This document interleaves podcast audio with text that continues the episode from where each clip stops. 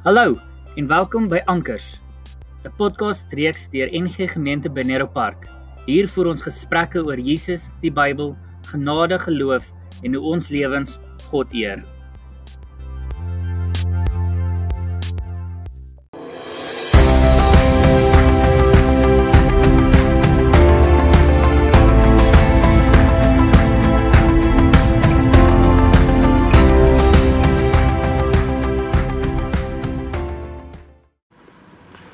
Goeiemôre, Woensdagoggend, die 23ste Desember. Ons het lekker reën gehad hierdie nag, so 19 mm hier by ons. Ehm um, waarvoor ons altyd baie baie dankbaar bly. So waar dit ook al by jou dalk gereën het of waar jy ook al is, mooi dag vir jou vorentoe en dat dit sommer net baie lekker sal wees. Ons is natuurlik twee dae voor Kersfees waar ons stil staan by die herdenking van die geboorte van Jesus Christus. Ehm um, vanoggend was nou weer een van daai oggende wat ek gevoel het, ja, waaroor kan ons praat? Wat sal ek met u deel? En ek het my Bybel oopgemaak en hierdie Bybel geblaai en toe sien ek ek het lank terug, jare gelede, ek was nog student gewees. In die Bybel wat ek het, het ek Micha 6 gemerk. En ek wil dit graag lees. Dit sê, "Wat sal ek saamvat as ek na die Here toe gaan? As ek voor die hoë God gaan kniel?" En ek dink baie keer van baie keer voel ons ook so dat as ek sê ek meen ons het gister gesê ons leef altyd in die teenwoordigheid van die Here natuurlik. Maar uit die Ou Testament was dit altyd hulle het gesê God is daar waar die altaar is en ehm um, daarom dan die vraag as ek na die altaar ag na, na die na die ark toe gaan, wat sal ek saamvat as ek na die ark toe gaan? As ek na God toe gaan om voor hom te gaan kniel ek dink vertaal sal 'n ou kon sê in ons lewens vandag wat kan ek doen om my toewyding aan die Here te wys? So die profeet vra hier, wat sal ek saamvat as ek na die Here toe gaan? As ek voor die hoë God gaan kniel? Moet ek met offers na hom toe gaan met jaar oud kalwers? Sal die Here duisende ramme aanvaar saam met 10 duisende offers van olie? Moet ek my eersgeborene offer vir my sonde? Hom wat uit my liggaam kom vir my oortreding.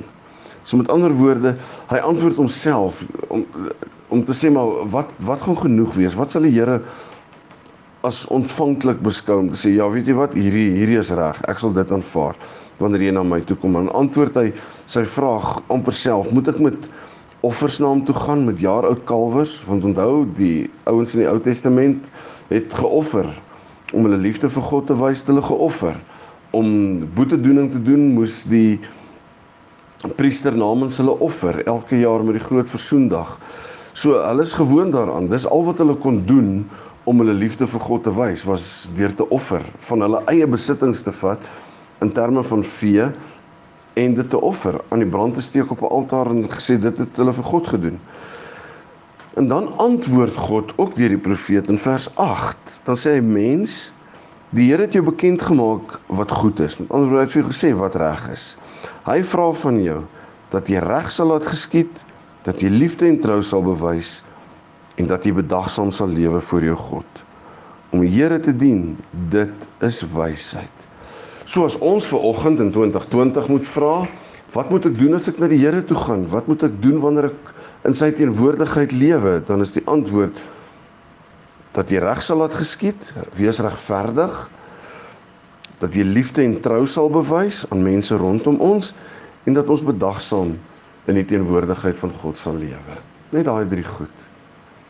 Dit is meeste van die tyd sulke moeilike goeters. Dat jy reg sal laat geskied. Dat ons regverdig moet wees, ook teenoor mense, veral wanneer mense ons kwaad gemaak het of teleurgestel het of wat ook al, dat ons regverdig sal bly, nê? Nee? Dat ons reg sal laat geskied, dat ons in alles wat ons doen regverdig sal wees, dat ons liefde en trou sal bewys. En hierso staan nie aan wie spesifiek nie, dan beteken dit sommer vir almal rondom ons dat ons dit sal doen en dat jy bedagsaam sal lewe voor jou God. En dis wat God van ons vra. Ons hoef nie berge te gaan uitklim in goed in die brand te steek soos hulle in die antieke tyd gedoen het nie offers te bring nie. Dis net hierdie goed wat God van ons vra, dat ons regverdig sal wees, Dat ons liefde en trou sal bewys aan mense rondom ons en dat ons bedagsaam sal lewe voor God. So kom ons onthou dit ook wanneer ons in Kerstyd is, met Kersdag wat oor 2 dae is, dat ek sê dat die manier waarop 'n Kersfees deurbring en ook daarna sal getuig van dit wat ons ver oggend gelees het. Kom ons bid. Hemelse Vader, baie dankie dat ons net ver oggend kan leer dat eintlik vra U nie baie nie. Uit al die goed wat U kon geantwoord het, uit besittings of geld of goed of wat ook al, dan sê U nie dit nie. U sê nie hier dat U geld van ons verwag of ons beste nie. Waar die volk vra deur in die woorde van Micha om te sê sal die Here duisende ramme aanvaar saam met 10000de offers van olie. Here, watter van my besittings is goed genoeg wat ek vir U kan gee? Hoeveel geld of wat dit ook al mag wees? En dan antwoord God deur Micha om te sê maar nee, nie dit nie. Here, dit is moeilike goed hierdie wat U van ons vra ook, dat ons regverdig sal wees, dat ons liefde en trou teenoor ons medemens, ons naaste sal bewys altyd al voel ons te nagekom, al voel ons hulle verdien dit nie, dat ons dit sal doen. Dat ons liefde en trou sal bewys en dat ons bedagsaam voor U sal lewe. Heilige Gees herinner ons elke oomblik wanneer ons nie dit doen nie, wanneer ons dit nie nakom nie. Veral in Kerstyd. Dankie Here dat U geduldig is met ons, dat U genadig is met ons en dat U vir ons liefhet. Amen. Lekker dag verder vir almal. Ons gesels môre oggend weer. Totsiens.